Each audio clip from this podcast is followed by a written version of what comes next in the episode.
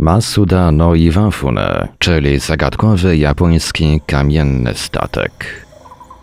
Asuka to wieś położona pośród wzgórz prowincji Kansai w japońskiej prefekturze Nara. Znajdują się w niej pewne bardzo dziwne kamienne rzeźby, spośród których prawdopodobnie najbardziej znany jest tajemniczy japoński kamienny statek zwany Masuda no Iwafune. Wieś powstała w czasie okresu Kofun, między rokiem 250 a 552 naszej ery, co oznacza okres starych kopców. Ta era w historii Japonii charakteryzuje się szczególnym rodzajem popularnego wówczas pochówku kąpcami ziemnymi w kształcie klucza, otoczonymi fosami.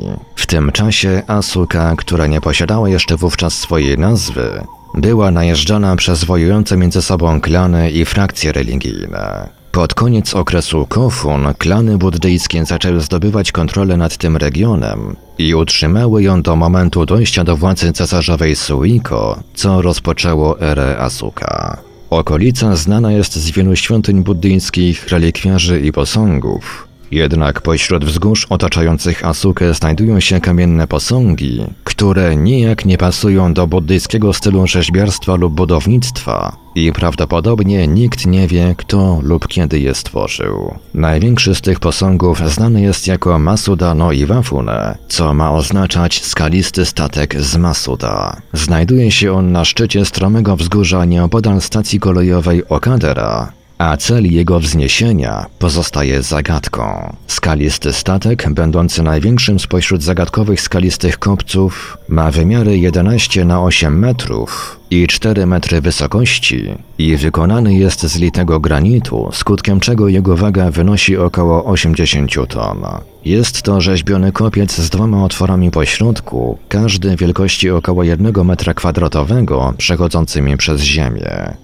Jak już wspomniano, cel oraz to, jak i przez kogo został zbudowany, pozostają zagadką. W pobliżu znajduje się stosunkowo duży kopiec grzebalny z okresu Kofun, mający należeć do Kengoshizuka. Sugerowano zatem, że Masudano i Wafune może być nieudaną próbą stworzenia głosu wejściowego z okresu Kofun, jednak wielu badaczy odrzuca to wyjaśnienie, głównie z powodu jego ogromnej masy. Warto odnotować, że depresja środkowa oraz kwadratowe otwory w Masudano i Wafune są ustawione i biegną równolegle do grzbietu górskiego, na którym obiekt spoczywa, co dało podstawę do domniemania, jakoby ten szczególny kamień miał być powiązany z rozwojem japońskiego kalendarza księżycowego i wczesnymi obserwacjami astronomicznymi. Mówi się, że Masudano i Wafune pod względem budowy wykazuje uderzające podobieństwo do innej japońskiej kamiennej zagadki, Ishi no Houden.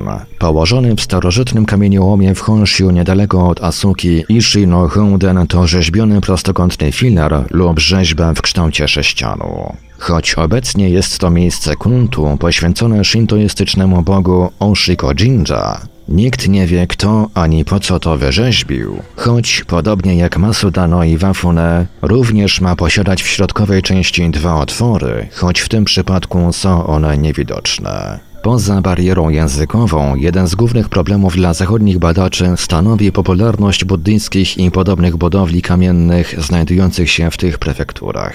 Trudno określić, który z obiektów jest związany z ruchami i kultami buddyjskimi oraz które z nich je poprzedzają lub nie są w ogóle powiązane z buddyzmem. Niemniej owe kamienne budowle niechętnie dzielą się swoimi sekretami. Region ten cechuje się klimatem subtropikalnym, co stanowi problem dla standardowo stosowanych technik radiometrycznych. Niewiele jest również zapisków dotyczących historii tych wiejskich terenów. Niektórzy badacze uznali, że kamienny statek powiązany jest z nawigacją lub wytyczaniem szlaków, jednak stawienie tak potężnej budowli dla takiego celu wydaje się nieprawdopodobne. Fakt istnienia tak wielu innych kamiennych płyt i budowli w tej okolicy sugeruje, że region ten był zamieszkany już przed okresem Kofun, nie znajduje to jednak potwierdzenia w zapiskach. Czym zatem są owe kamienne struktury? Niektóre z nich mogły mieć zaskakująco proste zastosowanie, jak w przypadku Sakahuneishi, płaskiej płyty granitowej posiadającej dziwny rytm w przedniej części, która prawdopodobnie była wykorzystywana przy produkcji sake, czyli trunków alkoholowych na bazie ryżu. Znalezienie w okolicy kamiennych dranów i drewnianych rur doprowadziło niektórych do stwierdzenia, że w tym miejscu mogły być wytwarzane znaczne ilości sake. Być może poszukiwacze odpowiedzi spoglądają na te miejsca i budowle z pewną dozą XXI-wiecznego, przypuszczalnie zachodniego szowinizmu, a ich brak znajomości starożytnych japońskich praktyk kulturalnych oznacza, że pozostają oni ślepi na potencjalnie oczywiste cele i znaczenia stojące za tymi strukturami. Trzeba jednak pamiętać, że spora część naszego obecnego rozumienia pochodzi z pracy badaczy i archeologów będących rodowitymi Japończykami, więc takie wyjaśnienie może być pozbawione podstaw. Archeologia w tej części świata prezentuje się jednak inaczej niż w innych miejscach. Szybka zmiana systemów językowych oraz istniejący wcześniej zwyczaj rewidowania historii z pobudek religijnych lub politycznych, w połączeniu z niechęcią tubylców do zaufania osobom z zewnątrz, zdecydowanie niweczy wysiłki zmierzające do nadania znaczenia tym starożytnym artefaktom z czasów dawno już minionych. Może się okazać, że rzeczywiste pochodzenie i historia tych enigmatycznych wytworów dawnej Japonii dawno już zginęły w trzewiach czasu.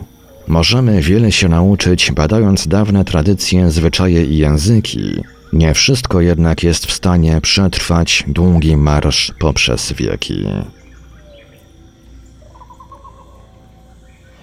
Autor Martin J. Clemens The Daily Grail Tłumaczył, opracował i czytał Ivelios.